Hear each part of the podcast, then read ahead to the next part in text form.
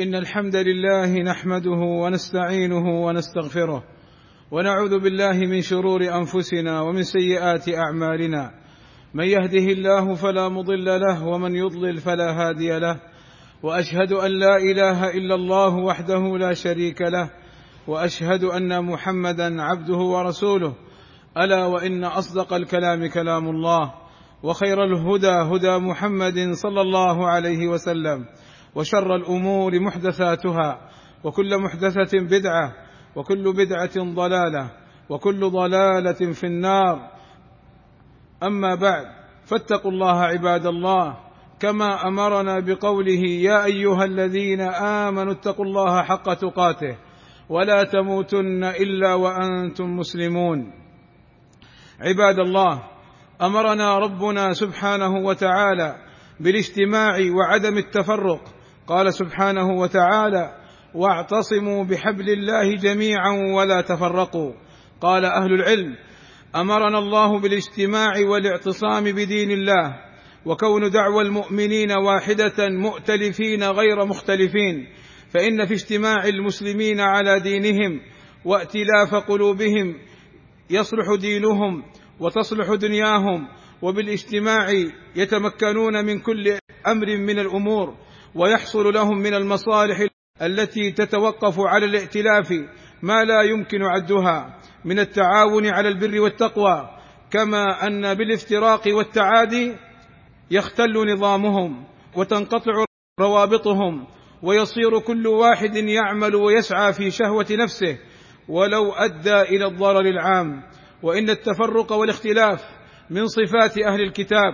قال سبحانه ولا تكونوا كالذين تفرقوا واختلفوا من بعد ما جاءهم البينات وأولئك لهم عذاب عظيم. فنهانا الله سبحانه وتعالى أن نتشبه بأهل الكتاب الذين تفرقوا وخالفوا ما جاءت به رسلهم مع علمهم بالحق. ونحن أمة محمد صلى الله عليه وسلم نعلم أن الحق في الكتاب والسنة وما كان عليه الصحابة رضوان الله عليهم. وقد حث النبي صلى الله عليه وسلم على لزوم الجماعة فعن حذيفة بن اليمان رضي الله عنه أن النبي صلى الله عليه وسلم قال له عن زمن الشر والفتن تلزم جماعة المسلمين وإمامهم تلزم جماعة المسلمين وإمامهم واعلموا عباد الله أن الفرق والجماعات والتنظيمات نشأت من بداية الدين لأنها تحارب ما جاء به الرسول صلى الله عليه وسلم من الحق وتريد صرف الناس عن الحق. ومن هذه الفرق فرقة الإخوان المسلمون. وقد حذر العلماء من فرقة الإخوان المسلمون ووصفوها بالضلال والانحراف والخطورة. ومن فرقة الإخوان المسلمون خرجت فرقة أخطر منها وأشر منها وأشد ضررا وفتكا بالأمة منها إنها فرقة السرورية والسرورية نسبة إلى رجل يدعى محمد سرور زين العابدين. وكان هذا الرجل من جماعة الإخوان ثم انشق عنهم وأتى بأشياء وأمور أشد منهم ففارقهم. وكان يقيم هنا في المملكة العربية السعودية مدرسا لبعض المواد كالرياضيات وغيرها ولكن التف حوله الشباب. وهكذا كلما التف الشباب حول الجهال كلما التف الشباب حول الذين لا يعرفون بالعلم الصحيح والعلم النافع كلما ساقهم إلى الضلال والانحراف. فكان يقيم في السعودية والتف حوله بعض الشباب فرباهم على هذا الفكر الخسيس وعلى هذا التنظيم السيء الذي سأذكر لكم بعض صفاته وبعض منهجه. فبدأ ببث الفكر الثوري والفكر القتالي والتكفيري في صفوف الشباب. وهذا الكلام ربما له ما يقارب ما بين الأربعين إلى خمسين سنة. فاستطاع أن يكون له أتباعا كثيرين في كل الأجهزة وأسس جمعيات حزبية تحت شعار العمل الخيري والنفع العام ثم انتقل للإقامة في بريطانيا إلى أن مات وهلك. نسأل الله أن يعامله بما يستحق. يدعو إلى الإسلام يدعو إلى الدين وهو يقيم في دولة الكفر. يحارب دول الإسلام وهو مقيم في دولة الكفر. لماذا تؤويه بريطانيا التي تعتبر من أشد الدول عداء للإسلام والمسلمين؟ إلا لأنه رجل يعتبر حربة ويعتبر خنجرا مسموما طاعنا في هذه الأمة.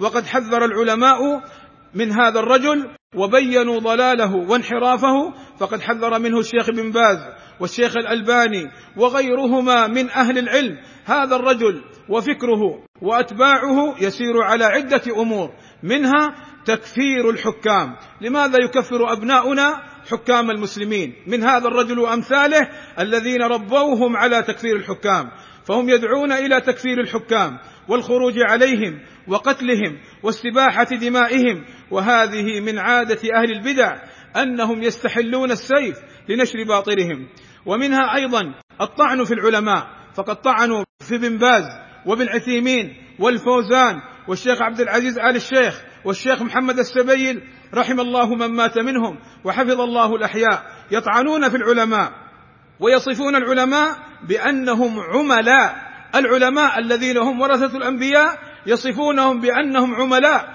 وأنهم بغلة السلطان وأنهم لا يفقهون الواقع. أو أنهم يبحثون عن المناصب أو أنهم عملاء للدولة. العلماء ورثة الأنبياء يطعنون بهم بهذه المطاعن لماذا؟ لماذا؟ حتى لا يسمع الشباب لقول العلماء في التحذير منهم وحتى لا يعرف الشباب تحذير العلماء من التكفير ومن الخروج على السلطان ومن السمع والطاعة لولاة الأمر. لذلك هم يحذرون من هؤلاء العلماء. رجل يسكن في بريطانيا ويطعن في بن باز أنه عميل للسلطان. رجل يسكن في أحضان التكفيريين والكفار ويزعم أن بلادنا بلاد كفر وأن العلماء هم بغلة بغلة بغلة بغلة السلطان. هكذا بقلمه وبصوتياته موجودة في الإنترنت لمن أراد البحث عنها. لذلك هم يطعنون في السلطان. والخوارج الذين خرجوا على علي رضي الله عنه كانوا يطعنون في الصحابة. لماذا؟ لأن الصحابة يبينون لهم أن هؤلاء تكفيريون خوارج وأنه يجب منابذتهم. كذلك من منهجهم تربية الشباب على الكتب الفكرية الثورية وصرفهم عن القرآن والسنة ومنهج السلف الصالح. ومنها أيضا أنهم يتآمرون مع أعداء الإسلام ضد الإسلام وأهله فيروجون الفتن والإشاعات ويزرعون بذر الفرقة والاختلاف في المجتمع ليتمكن الأعداء من السيطرة عليها. ومنها أيضا أنهم يمدحون رؤوس الباطل من الخوارج والثوريين والتكفيريين ومن كان معهم ليخدعوا العامة بهم ويتقلدهم العامة ويتبعوهم في أقوالهم. فهم يمدحون رؤوس الباطل. عجيب. يمدحون التكفيريين يمدحون أهل الباطل ويذمون أهل الحق فأي فرقة أخبث من هذه الفرقة السرورية التي تفعل هذه الأفاعيل في أمة محمد صلى الله عليه وسلم؟ أيضا هم يجمعون الأموال من الناس باسم الجمعيات الخيرية وباسم صرفها في وجوه الخير وهم يصرفونها في باطلهم. عباد الله هذه بعض صفاتهم التي بها يعرفون وإليها يدعون ومنها ينطلقون. والله أسأل لي ولكم التوفيق والسداد وأن يغفر لنا الذنوب والآثام. إنه سميع مجيب الدعاء. الحمد لله رب العالمين والصلاة والسلام على المبعوث رحمة للعالمين وعلى آله وصحبه أجمعين عباد الله. إن التحذير من هذه الفرقة والجماعة أمر مشروع حتى لا يخدع بهم العامة. لأن بعض الناس يقول لك يا أخي هذول مطوعين هذول دعاة إلى الله. لماذا تحذرون منهم؟ حذر من اليهود حذر من النصارى حذر من تجار المخدرات. هؤلاء الناس كلهم تعرفهم وأنهم أهل ضرر. ولكن هؤلاء ينطلقون باسم الدين. لماذا أبناؤنا يذهبون إلى العراق وسوريا ويقتلون هناك؟ لماذا أبناؤنا يحملون السلاح على ولاة أمرهم فيفجرون ويقتلون ويخربون في الديار؟ ما السبب؟ هذه الجماعة فلا بد من التحذير منها وإن التحذير منها ومن خطرها ينقذنا وينقذ أبناءنا وأهلنا من شباكهم وخداعهم وإن التحذير منهم له فوائد كثيرة جدا. عباد الله نحن في المملكة العربية السعودية نعيش بين ولاة أمرنا الذين يحكمون شرع الله ويحكمون شرع الله كتابا وسنة على منهج السلف الصالح وبين علمائنا الكبار المعروفين بالعلم النافع والعمل الصالح واتباع الحق أينما كان. فلماذا؟ فلماذا يحاربنا السروريون؟ ولماذا يتآمرون علينا؟ ولماذا يضيعون أبناءنا؟ ولماذا ينفرون عن علمائنا؟ أسئلة كثيرة الإجابة عنها هي أن السروريين فرقة خبيثة نتنة تسعى لإضلال المسلمين ونصرة أهل الباطل عليهم فرقة تكفيرية تتستر باسم الإسلام وباسم الدين والإسلام منها بريء.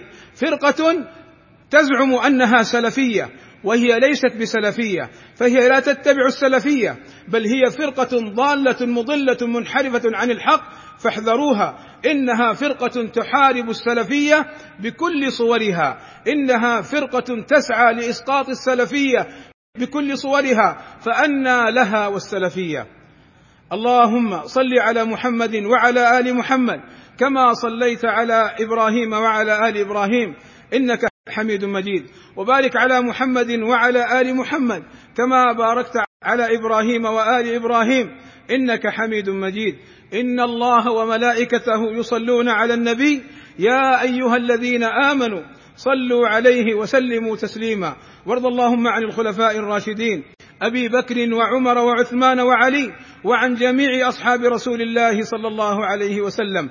اللهم اغفر للمسلمين والمسلمات والمؤمنين والمؤمنات الأحياء منهم والأموات. اللهم وفق ولي أمرنا لما تحبه وترضاه وأصلح به العباد والبلاد. واحفظه اللهم من كل سوء. واحفظه اللهم ولي عهده لما تحبه وترضاه. وأصلح به العباد والبلاد. واحفظه اللهم من كل سوء. وصلى الله وسلم على نبينا محمد وعلى آله وصحبه وسلم أجمعين والحمد لله رب العالمين